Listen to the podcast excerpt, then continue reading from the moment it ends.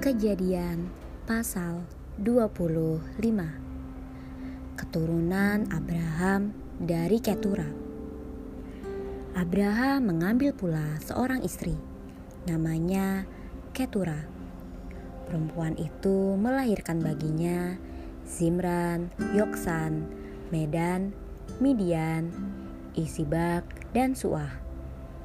Yoksan memperanakkan Sheba dan Dedan. Keturunan Dedan ialah orang Asyur, orang Letus, dan orang Leum. Anak-anak Midian ialah Eva, Ever, Henok, Abida, dan Elda. Itulah semuanya keturunan Ketura.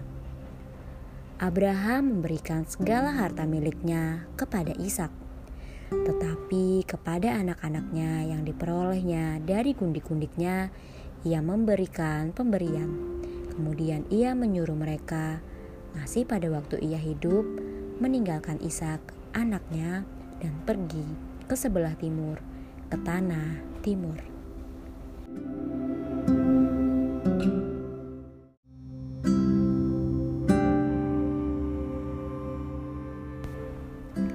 Abraham meninggal dan dikuburkan Abraham mencapai umur 175 tahun, lalu ia meninggal.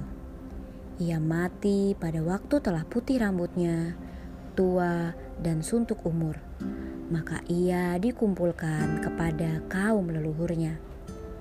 Dan anak-anaknya, Ishak dan Ismail, menguburkan dia dalam gua Makpela di padang Efron bin Sohar.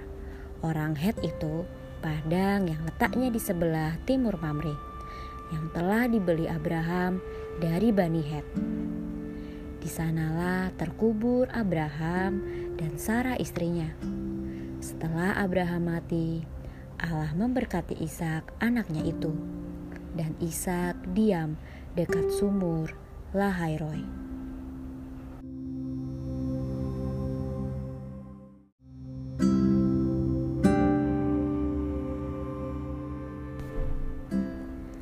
Keturunan Ismail Inilah keturunan Ismail, anak Abraham yang telah dilahirkan baginya oleh Hagar, perempuan Mesir, hamba Sarah itu. Inilah nama anak-anak Ismail, disebutkan menurut urutan lahirnya. Nebayot, anak sulung Ismail, selanjutnya Kedar, Adbeel, Mipsam, Misima, Duma, Masa, Hadad, Tema, Yetur, Nafis, dan Ketma. Itulah anak-anak Ismail. Dan itulah nama-nama mereka menurut kampung mereka dan menurut perkemahan mereka. 12 orang raja, masing-masing dengan sukunya. Umur Ismail ialah 137 tahun. Sesudah itu ia meninggal. Ia mati dan dikumpulkan kepada kaum leluhurnya. Mereka itu mendiami daerah dari Hawila sampai Siur yang letaknya di sebelah timur Mesir ke arah Asyur. Mereka menetap berhadapan dengan semua saudara mereka.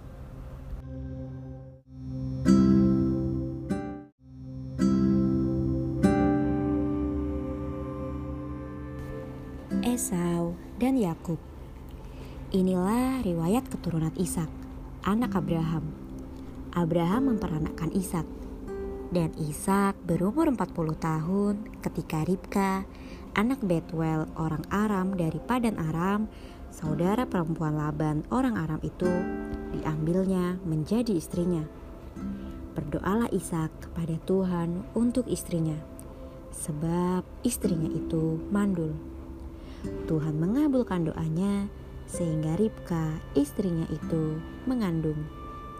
Tetapi anak-anaknya bertolak-tolakan di dalam rahimnya dan ia berkata, "Jika demikian halnya, mengapa aku hidup?" Dan ia pergi meminta petunjuk kepada Tuhan. Firman Tuhan kepadanya, "Dua bangsa ada dalam kandunganmu." Dan dua suku bangsa akan berpencar dari dalam rahimmu.